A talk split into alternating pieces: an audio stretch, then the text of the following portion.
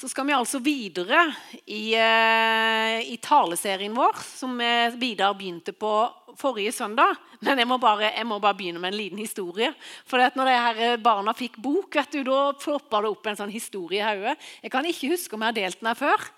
Men det var en gang at det var en liten gutt som fikk lov å låne mormora sin bibel. Se for deg sånn en tjukk, gammeldags bibel der du egentlig ikke skjønner noe av skriften engang. For det er jo skrevet på sånn gammelnorsk. Så han satt og bladde i denne bibelen og liksom syntes det var spennende med de her stive arka og alt det her. Så satt han der og bladde, og mens han bladde, så plutselig datt det ut av noe. Og han kikka liksom, tok opp i alle dager, Det var jo et blad, altså et, lau, et lau. Et svært laublad. Så han tok det opp, og så kikka han. Og så lyste øynene opp, liksom. Og bare 'Bestemor, bestemor, du kom og se! Jeg har funnet noe!' 'Hva er det du har funnet?' 'Jeg tror det er Adam sin dress!'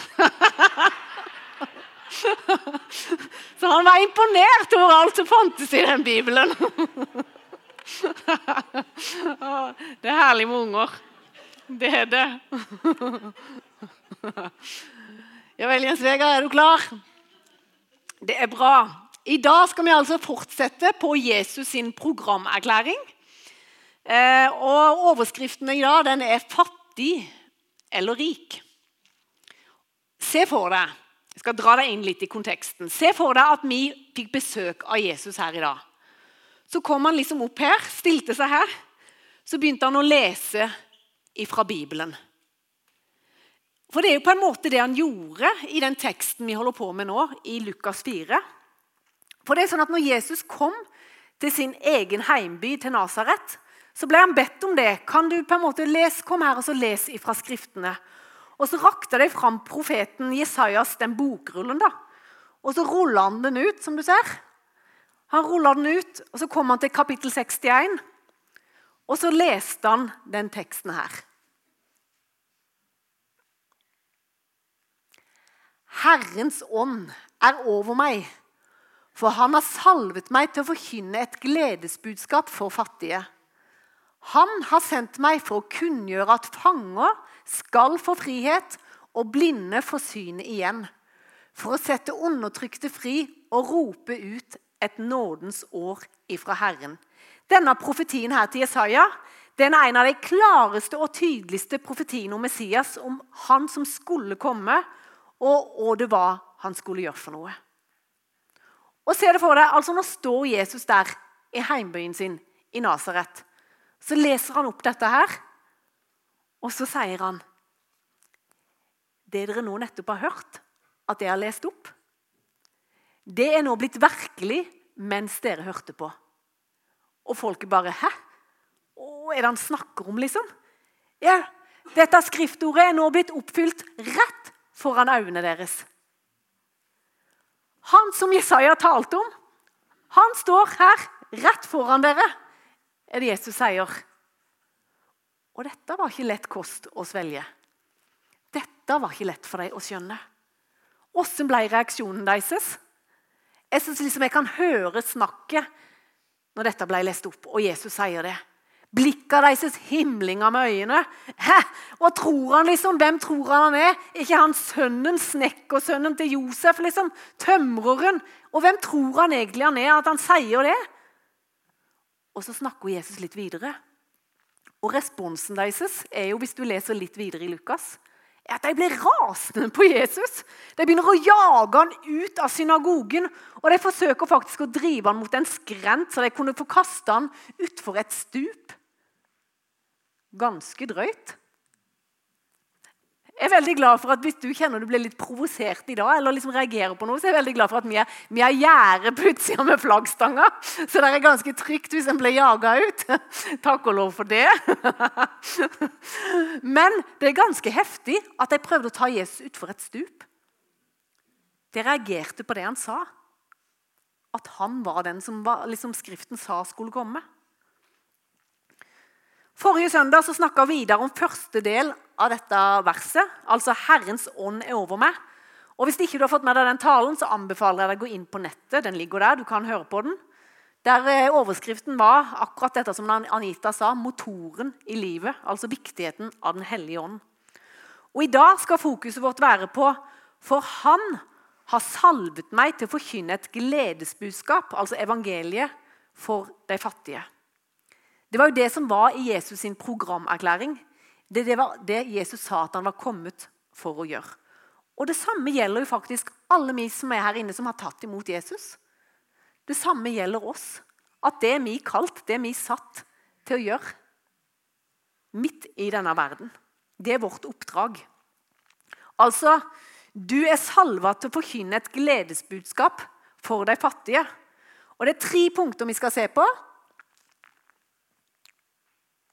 Vi skal se på hva betyr det egentlig når Jesus snakker her om å være fattig.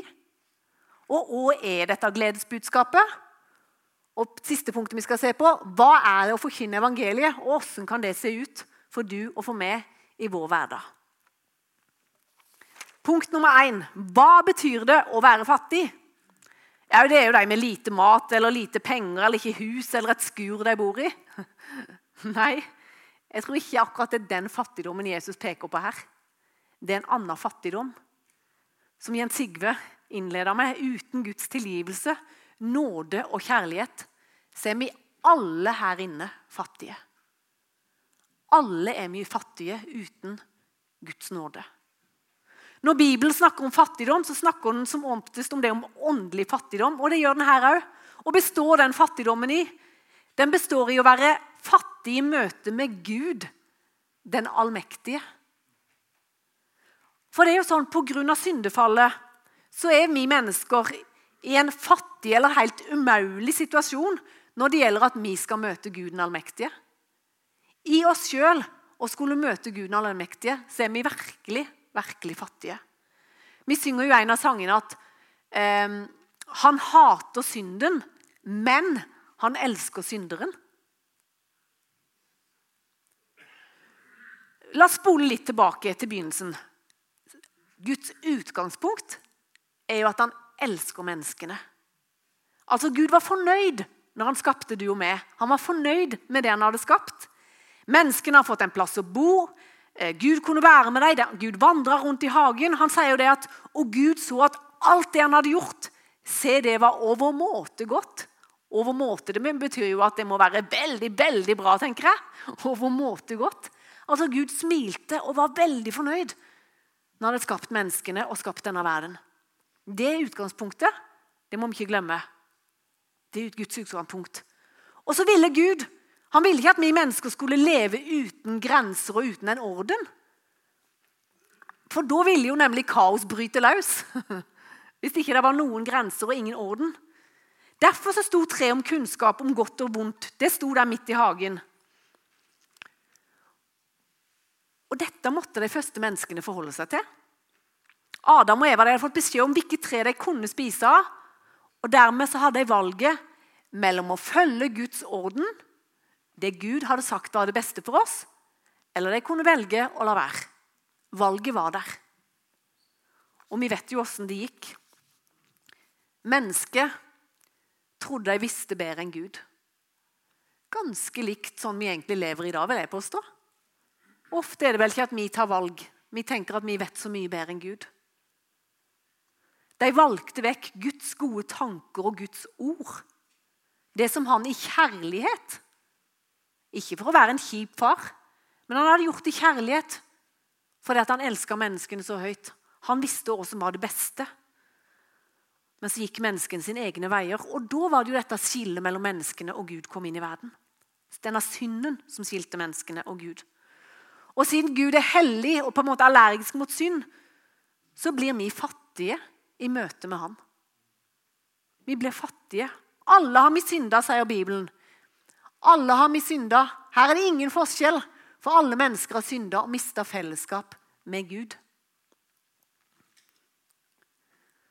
Det som vi har en, liksom, en uendelig lang gjeld, og så har vi ingenting å betale med.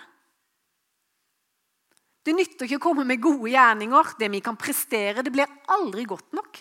Det er ikke det Gud ønsker. Alt det vi skal kave eller streve, vår egen rettferdighet er ikke det Gud ønsker.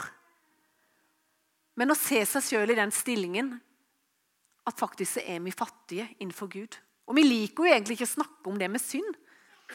Men jeg tenkte mye på det en stund når jeg fikk høre at ateisten Bjørn Sterk han sier at det er synd at ordet synd har blitt så uglesett. Han sier at hvis vi, hvis vi, avskaffer, vi avskaffer ikke synden med å slutte å bruke ordet For synden vil jo være der uansett om vi slutter å bruke ordet.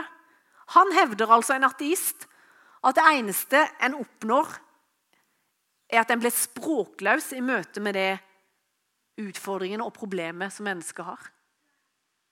Det er ganske store ord at det er en ateist som sier. Synd er det som fører oss vekk fra det gode livet som Gud har planlagt for oss. Alt. Alt som gjør at måte, vi forårsaker lidelse for både oss sjøl og andre mennesker. Og så er det så viktig å se at Bak dette står det en Gud som i utgangspunktet elsker menneskene.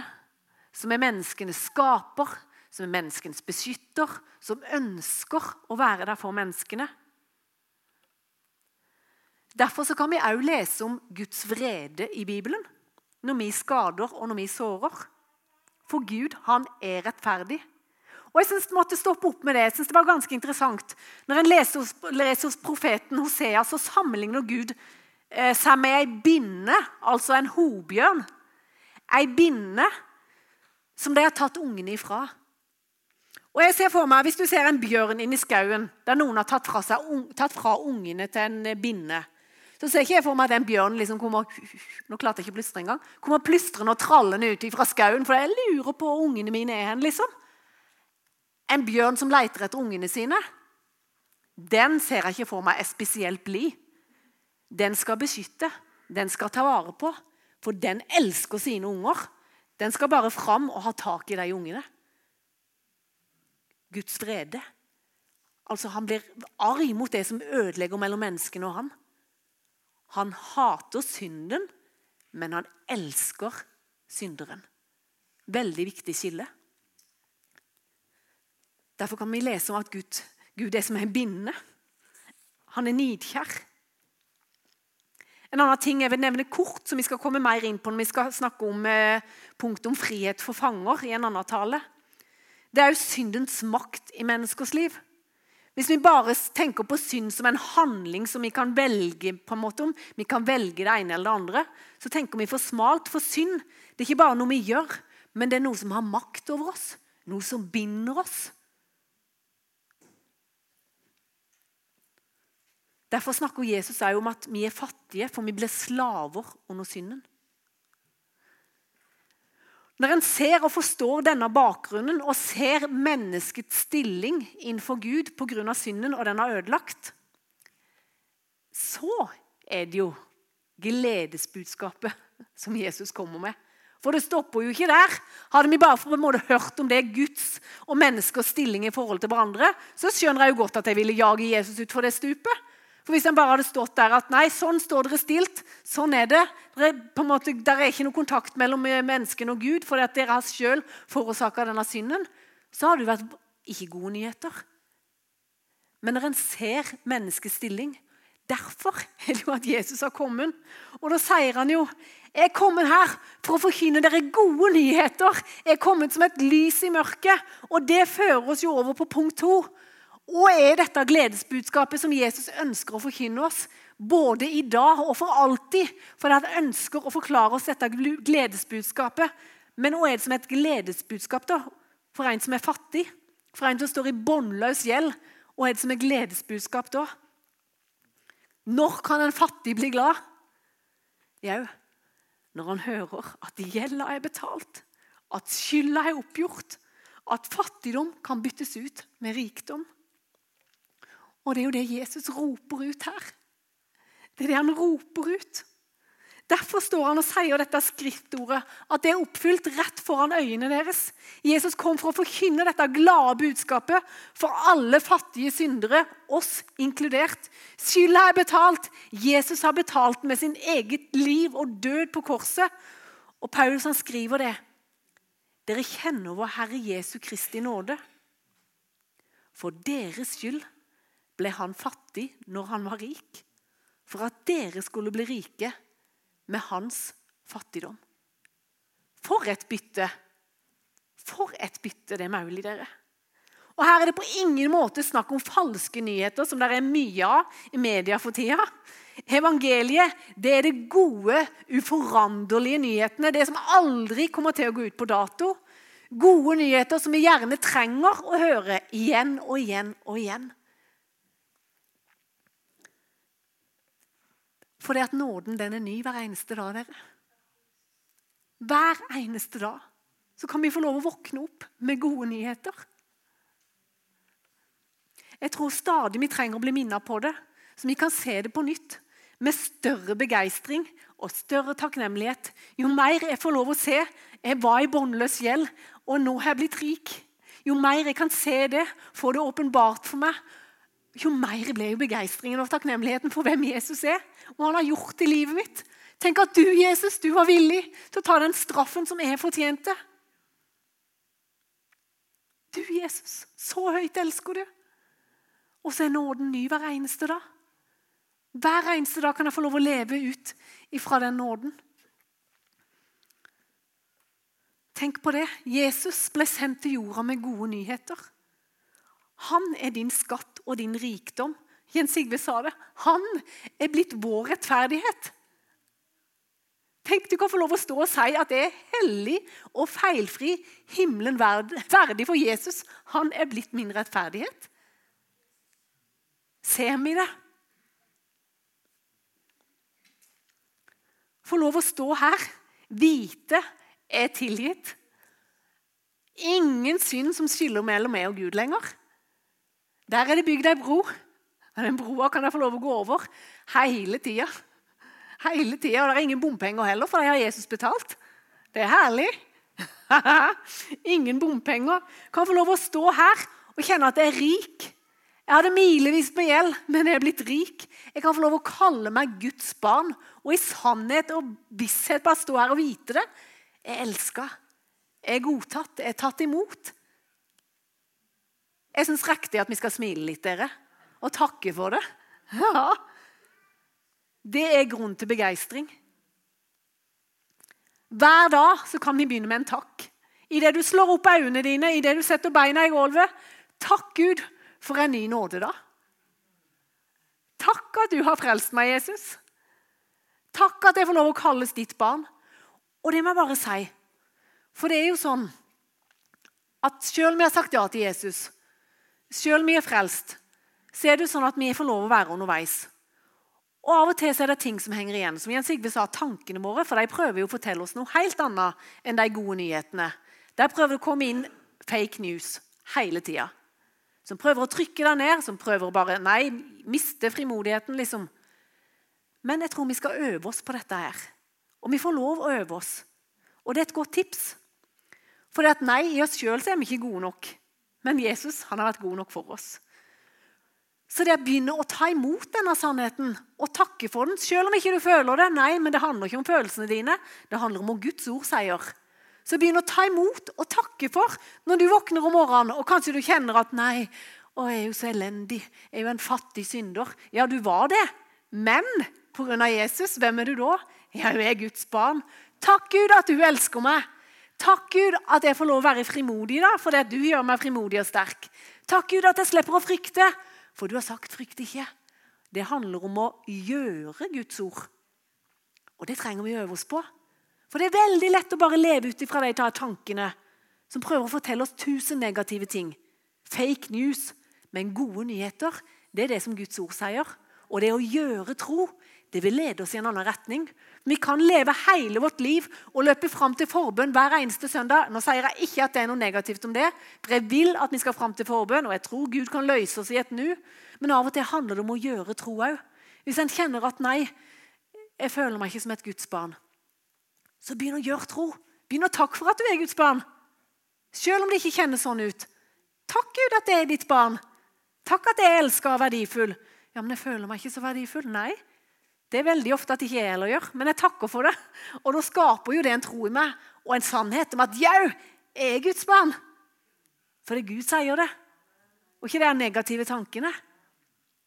Det å gjøre tro. Gjøre tro, det gjør noe med oss. Og Det handler om det med å forvandle vårt sinn. Og Det tenker jeg det handler om alle områder i livet. Alle områder i livet trenger vi å øve oss på å gjøre tro. For det leder oss i en retning. Det leder oss til å begynne å tro på Guds sannheter. Hvis du frykter mye, og det gjør vi som mennesker av og til, så begynn å takke for at takk, Gud, at du har sagt 'frykt ikke'.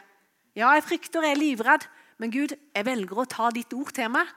Takk for at du har sagt 'frykt ikke'. Det er på en måte noe å bruke de verktøyene som Gud har gitt oss, til å gjøre tro. Da forvandles vårt sinn, og etter hvert så begynner vi å tenke mer og mer likt sånn som Guds ord sier. Og Det er ikke gjort på en dag, men vi får lov å være underveis. Det er herlig. Gjøre det praktisk.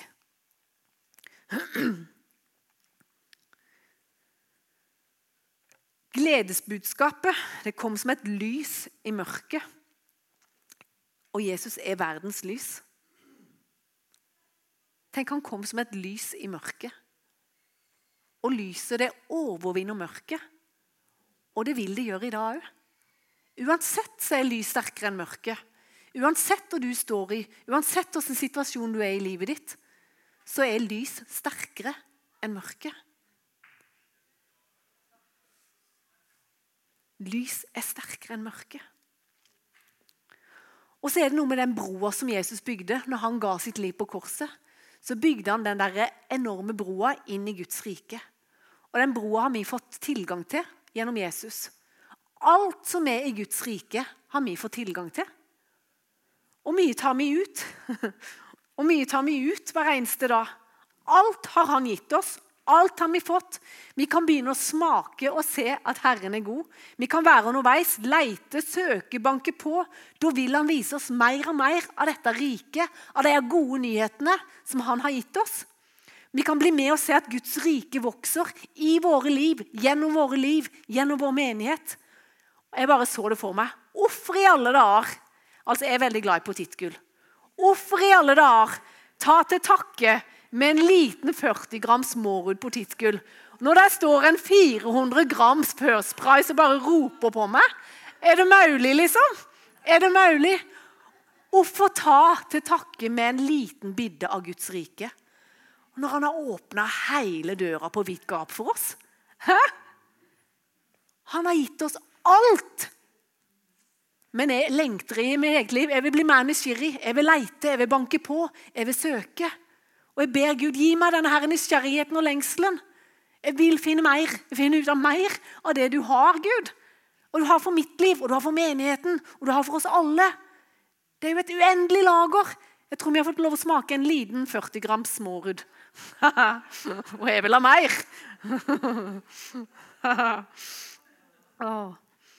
Jesus vil oss jo godt. Han vil oss godt. Vi skal få lov å tro på det, erfare det, vokse i det. Og så skal vi få lov å gi det videre. Det er gode nyhetene. Tredje og siste punkt.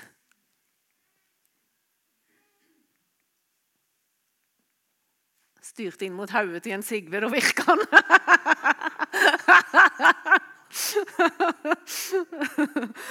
og er det å forkynne evangeliet? Åssen kan det se ut for du og for meg? Jeg tror det er én løgn som har lett for å feste seg hos oss. Det er det at ja, men Mennesker ser jo ikke ut til å trenge evangeliet. da. De er jo opptatt av så mye annet. De er jo ikke interessert. Og den løgnen den tror jeg faktisk at vi har begynt å tro litt på av og til. Nei, mennesker er jo ikke interessert. Men så glemmer vi å se på symptomene som faktisk vi ser rundt oss hele tida. Symptomene i samfunnet, og se bak dem at kanskje mennesker er på leiting alle andre steder. Jeg har snakka med mennesker som er villige til å betale i dyre dommer for å gå og prøve healing eller kjøpe noen varme steiner fordi de trenger å få hjelp. Jeg har snakka med mennesker, ungdommer, som er villige til å sende nakenbilder av seg sjøl rundt forbi for de trenger å bli sett. De trenger å bli anerkjent. Jeg ser både voksne og ungdommer som døyver innvendig smerte med både piller eller fire glass vin hver kveld. For de trenger å døyve den innvendige smerten som de bærer på. Eller kutter seg. Ungdommer som kutter seg. For det er lettere å kjenne på den smerten i armen enn det de bærer på inni seg. Ungdommer som er villige til å gjøre kriminelle ting for å bli godtatt eller godkjent av gjengen. Voksne som er avhengig av pengespill eller porno for de tør ikke å snakke om det som egentlig er vanskelig. Eller de tør ikke å snakke om at jeg er faktisk avhengig. Mennesker som spises opp innvendig, og som har vanskelig for å omgås andre mennesker fordi de har latt bitterheten få vokse. Hvorfor bor vi og lever i et av verdens rikeste land, men folk sier at de ikke er lykkelige? Kanskje er det nettopp det, for de leter på feil plasser. Og så er vi her så er vi bærere av gode nyheter for mennesker. At det fins én. Det fins én som ser det, som forstår det, som ønsker å gå veien med deg, som vil gi deg et annet liv. Som vil gi deg et annet liv. Som vil gi deg noe som denne verden ikke kan tilby. Noe som ikke kan kjøpes for penger. Men du kan få lov å begynne på en vei sammen med en Gud som er god, han som vil være en lykt for din fot og et lys på din sti. Han som vil hjelpe, han som vil trøste, han som vil veilede. Han som vil hjelpe deg ut i et liv i frihet. Han som vil gjenopprette deg og lege dine sår. Han som vil tilby en kraft og en kilde som aldri går tom. Det budskapet vi bærer av. Så tror jeg av og til vi tror på løgnen at mennesker ikke er interessert. Men så går de rundt og leter alle andre veier. Vi må se på symptomene, og bak dem Og er det å forkynne evangeliet? Hvordan kan du gjøre det? Jeg tror ikke vi skal bryte oss inn i menneskers liv. Vi skal ha respekt for at noen kanskje ikke er interessert. Og jeg tror vi trenger å øve oss på å lytte like mye som å snakke. Av og til sette oss ned og vise at vi er interessert i mennesker og har tid til å lytte og høre på hva er det egentlig som er så vanskelig for deg, før vi begynner å komme med alt. For jeg tror at Hvis mennesker merker at vi ikke bryr oss, at de opplever bare at de er noen objekter, da blir det sjelden bra. Du har helt sikkert kjent på det sjøl. Telefonen ringer. 'Neimen, hei! Er det du, Kristine Laurak? Har du det fint på Laurak i dag?' tenkte jeg, alle da, Hvordan kjenner du med et ukjent nummer? liksom? Ja, går det bra på Laurak, da?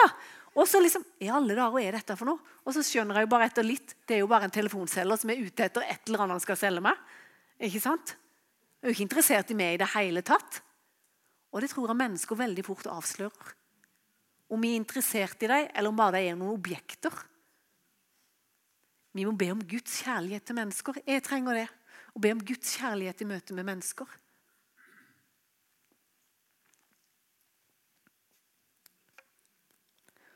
Og så er det noe med å lande i det at misjon det er noe Gud holder på med hele tida, faktisk. Fra soloppgang til solnedgang så holder Gud på med misjon. For Gud vil fortsette den redningsaksjonen inn i verden som han begynte med med Jesus. Den redningsaksjonen den vil forts nei, Gud fortsette med. Det er ikke en aktivitet som kirka holder på med. Misjon er ikke en aktivitet, det er noe Gud holder på med. Og så får vi ta del i Guds misjonsplan i verden. Hele målet med misjon det er jo gjenopprettelse av det som ble ødelagt. I stad ramsa jeg bare opp noen symptomer, men det fins jo så mye mer. Og jeg tror det ligger en frihet i å se det at det er Guds oppdrag i verden, misjon. Og at Gud holder på med misjon, om du liker det eller ikke. Han jobber med mennesker. Jeg sier det ofte, og senest på bønnemøtet om, tirsdag. Jeg tror Gud holder på med mer bak ryggen vår enn foran øynene våre. Vi får ikke se alt det han holder på med, for han holder på hele tida. Og vi får ikke med oss alt, for hans hjerte er for mennesker. Og det er ikke sånn, Av og til har en hørt eller tenkt at ikke du, hvis ikke du vitner nok, eller synger nok eller ber nok, så skjer det ingenting. Ofte er det sånn at Gud velsign det vi holder på med. Men la oss heller snu det, som Martin Cave sier. Gud, og gjør du nå? Og kan jeg få lov å være med på? For Gud holder på hele tida. Det er ikke en aktivitet eller vårt ansvar, men vi kan få lov å være med på det han gjør. Han er den ansvarlige, og vi blir invitert til å være med på det han gjør. Og det er en veldig stor forskjell enn at vi skal gå og bære den enorme byrden. For da blir det 'skjerp deg, kom igjen, du må, du må, du må'. du må. Men istedenfor sier Gud 'kom, bli med på det som jeg holder på med'. For jeg holder på hele tida. Be til meg, spør meg. Spør meg om noen ferdiglagte gjerninger i dag. Tenk på det når du går ut døra i dag. Spør meg, 'Gud, hva gjør du i dag? Kan jeg få være med på, på butikken, på jobben, på skolen, på Liens?' Da begynner vi å speide, og plutselig vil du oppdage at 'oi, der fikk jeg jo en samtale om tro'. Der fikk jeg bare stå og lytte til noen. Der fikk jeg bety noe for noen. Der fikk jeg lov å be en bønn for noen. For det han holder på. Han holder på, så kan vi bli med på det han allerede gjør.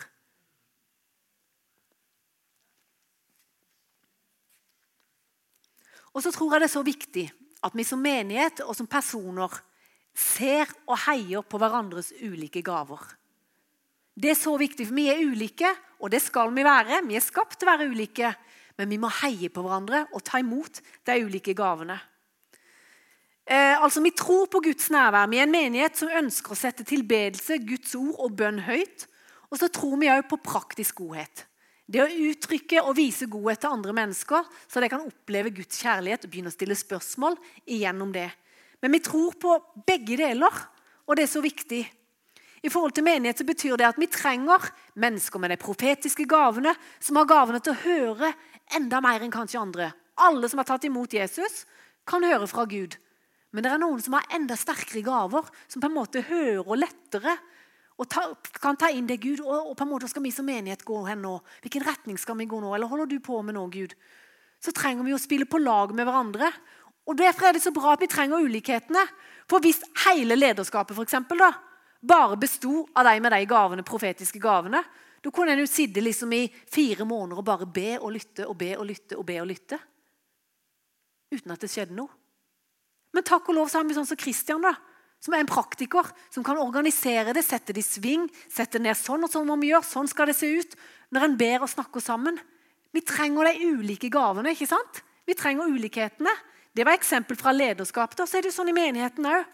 Vi trenger ulikheten. F.eks. i dag. Alt det praktiske som er blitt gjort i dag, før du satt deg på denne stolen. Nye kaffebaren som var her når dere kom inn i dag. Håper dere la merke til den. Fantastisk bra. Plutselig var det et sånt miljø ute i gangen der folk sto igjen. Sto, eh, måtte jo nesten jage inn liksom, når møtet begynte. Sto der ute og prata. Bygge relasjoner, snakke sammen. Det er blitt kokt kaffe. Det er supersøndagfolk som har vært der forberedt. AMJ har rigga. Vaktmestere har sjekka bygget. Søppelet er blitt tømt. Dorer er blitt vaska. Kafeen er gjort klar. Team har vært og rigga med lyd. Lovsang. Altså, Det er uendelig mye. Og vi er team som sammen jobber for at Guds rike skal vokse her i Froland. Vi trenger alle ulikhetene. Sammen så forkynner vi evangeliet for hverandre. Vi trenger det ulike. Og du er satt til å være med og forkynne evangeliet med de gaver og den utrustning som du har fått. Både i fellesskapet i menigheten og ut i din hverdag. Bare det at du kom i dag, det leder deg i en retning. Godt valg, sier jeg bare. Godt valg at du kom. Én ting har jeg faktisk slutta med nå. Eh, når jeg snakker med mennesker, så er det veldig lett å si ikke sant? For En har jo tusen grunner til ikke komme på gudstjeneste. Og så er det veldig lett å si jeg forstår det. Jeg skjønner det. Men det har jeg slutta å si. Altså, jeg forstår at det kan være vanskelig å komme til gudstjeneste. Jeg forstår at hvis en på en måte har sosial angst, det kan være utfordrende, så forstår jeg at det kan være vanskelig. Jeg forstår at du har unger som er trøtte. Jeg forstår at hvis du har jobba 112% så er du sliten og du orker nesten ikke å komme. Eller at du er midt i en storm nå i livet ditt, at det er utfordrende og vanskelig. Eller at du kjeder deg på gudstjeneste for du holder på å spy. Det blir av den som står og taler. Men jeg kan allikevel ikke være enig at du velger det vekk. For vet du noe? Gudstjeneste, sånn som i dag, det er stedet der vi kommer sammen for å feire de gode nyhetene som Jesus har kommet med. Og Gud har sagt at han vil være midt iblant oss. Det ville jo være galskap av meg hvis det sto og sa jeg skjønner at ikke du kommer og er der som Gud er. Det er jo det jeg ville ha sagt. Jeg Forstår, det står i Guds ord at jeg er midt iblant dere. Det er to eller tre er til stede i mitt, ord, mitt navn. Der er jeg midt iblant dere. Ja, men da forstår jeg at ikke du vil være her, Gud. Det ville jo være galskap hvis jeg sa det. Ja, jeg kan jo ikke si det. Jeg forstår at det er vanskelig, men jeg kan ikke si at det er bra å ikke være der Gud er. Så du kan være enig eller uenig. at eh, Du kan synes jeg har en kjedelig tale, eller alt som ble sagt, kan være eh, veldig kjedelig. Men vi tror at gudstjeneste er en møteplass mellom himmel og jord. Altså mellom den levende Gud og oss.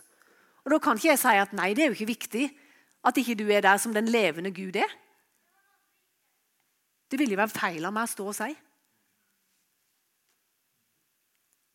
For gudstjeneste, Når vi feirer gudstjeneste, så takker vi Jesus for de gode nyhetene. Og han er midt iblant oss. Om vi kjenner det eller føler det eller ikke, så sier hans ord det. Om du syns talen er elendig eller ikke, så er Jesus her. Det handler ikke om vi som står her og verken lovsynger eller leder eller taler. For sannheten er at Jesus, han er her nå. Det sier jo Guds ord. Og da kan jeg ikke si at det ikke er viktig.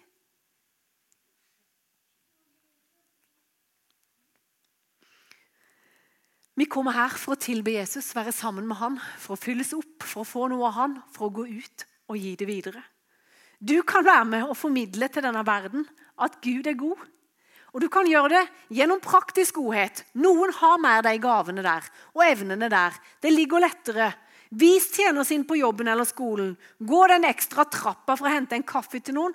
Gi en blomst til noen du vet du trenger en oppmuntring. Hjelp å male huset. Og vet du noe? Bare et smil Tenk noe så lite som et smil. Det klarer alle her inne. Et smil, det klarer vi. Det kan faktisk bety en forskjell på en dag. Jeg har ikke alltid mulighet til å, eh, til å, gi penger til de som sitter på gata. Og En kan være enig eller uenig om det er bra eller ikke at de skal sitte der. Men jeg tenker uansett tenk, tenk, Og det koster dem å sette seg ned der og spørre om penger. Det minste jeg kan gjøre, det er at jeg kan se deg inn i øynene og så kan jeg gi deg et smil. Det er ikke alltid jeg kan gi deg penger, men et blikk og et smil, det kan si mye. Det kan jeg koste på meg. Jeg skamma meg en gang jeg var på Birkeland. Der sto det ei dame på utsida som satt med en kopp og Så spurte hun kan jeg få penger. Og Så gikk hun etter meg inn i butikken. og Jeg kjente jeg ble litt irritert. Sånn kan mennesker med meg. Hun gikk etter meg og begynte å snakke, og jeg skjønte ingenting. Jeg følte rett og slett det var ubehagelig. Og Jeg sier ikke at det var riktig, men da kjente jeg ble riktig litt irritert. Og Så gikk jeg en runde i butikken så tenkte jeg, kjære Gud, åssen er det jeg oppfører meg? Jeg kjenner jeg blir irritert på Og Hadde jeg gjort hvis jeg var desperat etter at mine barn trengte noen varme klær? Det hun egentlig spurte meg, var om jeg kunne være med og um, kjøpe noe ulltøy til ungene. Og jeg skamma meg. Og så gikk jeg hen til henne etterpå så fikk jeg gitt henne noen penger. Så måtte jeg be Jesus om tilgivelse. Jeg sier ikke at vi alltid kan gjøre det, men jeg kjente at det ble feil av meg. Men jeg kjente jeg ble irritert på Men det minste jeg kan gjøre, er å gi et smil når en går forbi. En verdighet. Og smile til mennesker. Se deg inn i øynene.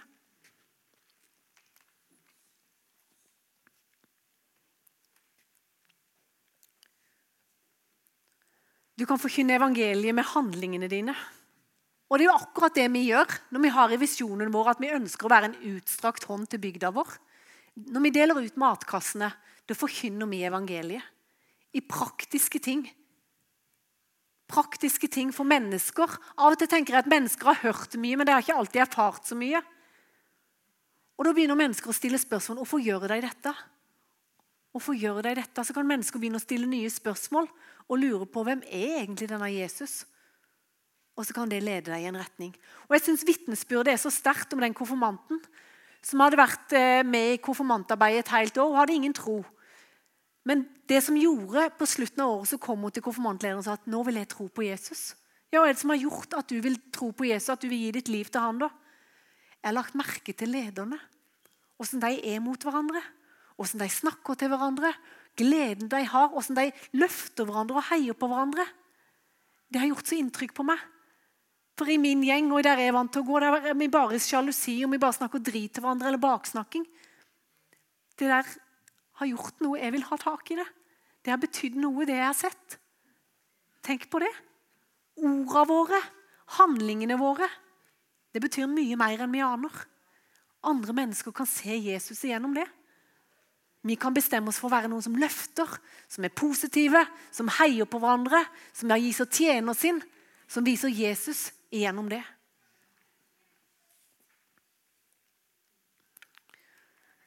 Og så tror jeg òg på Guds kraft synliggjort gjennom tegn, under og formidling av evangeliet gjennom ord. Ja takk, begge deler, sa en gang en vis mann som heter Ole Brumm. Begge deler, dere. Både praktisk godhet, kraft, under, tegn, bønn og forkynne evangeliet. Vi trenger alt. Men vi må ikke skille liksom at nei, det eller det er bedre enn andre. Vi trenger alt. For Gud vet hvordan han skal inn og inn til de ulike menneskene, for vi er ulike. Og så må vi heie på hverandre. Vi trenger alle gavene. Og så må vi øve oss. For det er kanskje ganske skummelt å begynne å skulle be for en du nesten ikke kjenner engang. Eh, liksom på gata eller på jobben din. eller noe. Men la oss øve oss på å gi evangeliet. La oss øve på å be for og med hverandre. I småfellesskap der er det jo mye tryggere enn å plutselig skulle gjøre det ute blant noen du ikke kjenner så godt. Vi trenger å øve i smågrupper, vi trenger å øve hjemme i familiene våre. Det å be sammen med hvis du er gift, be sammen med ektefellen, det er en fantastisk plass å øve seg. Vi trenger å øve oss før vi skal tore. Hvis ikke vi tør å gjøre det der, hvordan skal vi da tore å gjøre det andre plasser? Vi trenger å øve oss. Vi får lov å være underveis. Det å dele tro, snakke om tro, Øve oss på det hjemme i familien, i småfellesskap. Hvem er Jesus for du, egentlig? Tenk hvis du plutselig får det spørsmålet en på, på arbeidsplassen. Ja, hvem er egentlig Jesus for du? Uh, uh, nei, uh, så må vi bruke fem minutter på å tenke. Det kan være greit å øve oss litt. Hvem er egentlig Jesus for meg? Når kom du egentlig til tro? Var det liksom på ett møte at da bestemte du deg? Var det en prosess? Er du vokst opp i en heim der det er vant til det med Jesus? Altså, Sett ord på det med troa vår. Øv oss på det. For at plutselig, Hvordan skal vi tore å gjøre det der ute hvis vi aldri har satt ord på noen ting ellers? Da skal vi liksom ut og vitne. Øve oss på det med tro. Øve oss på å sette ord på det.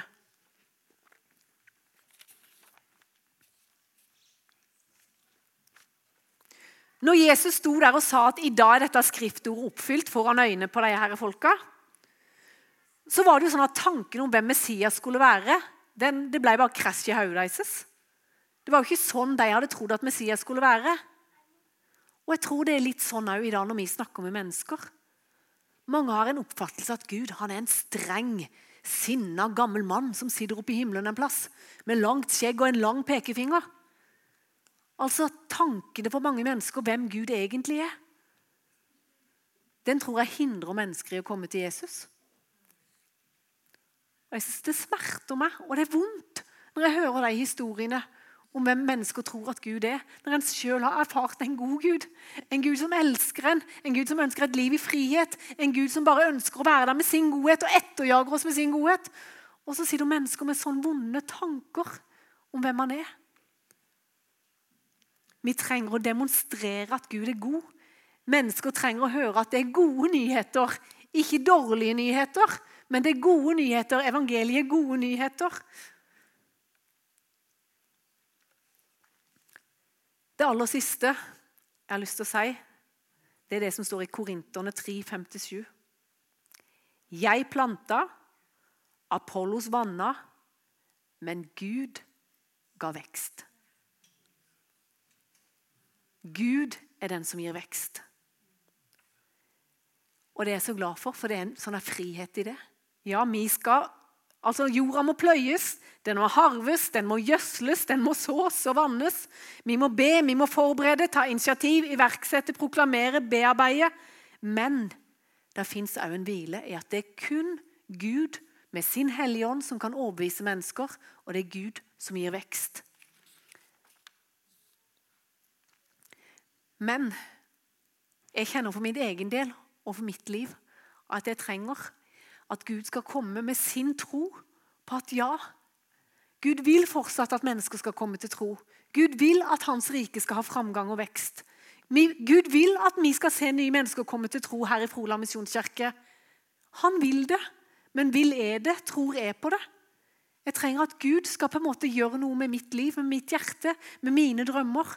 Og I det siste så har denne setningen kommet til meg igjen og igjen. Så Martin Cave, som skal komme til oss neste helg, han har sagt det når han har vært her før. Våg å drømme større. Våg å drømme større. Vi har med himmelens Gud å gjøre. Himmelens og jordens skaper. Han som sendte sin egen sønn for soning for våre synder. Han gir seg ikke. Han gir seg ikke, for han vil at mennesker skal komme til tro. Så høyt elsker han menneskene i Froland, men elsker jeg deg som han? Jeg trenger å på ny våge å drømme større. Jeg trenger at han kommer med sine drømmer til oss, til meg. At jeg skal begynne å tro på det og forvente at mennesker skal komme til tro. Forventer jeg at jeg skal få samtaler når jeg møter mennesker? Forventer jeg at nye mennesker skal komme her til Froland misjonskirke? Forventer du det? Har du en forventning til Gud vil gjøre?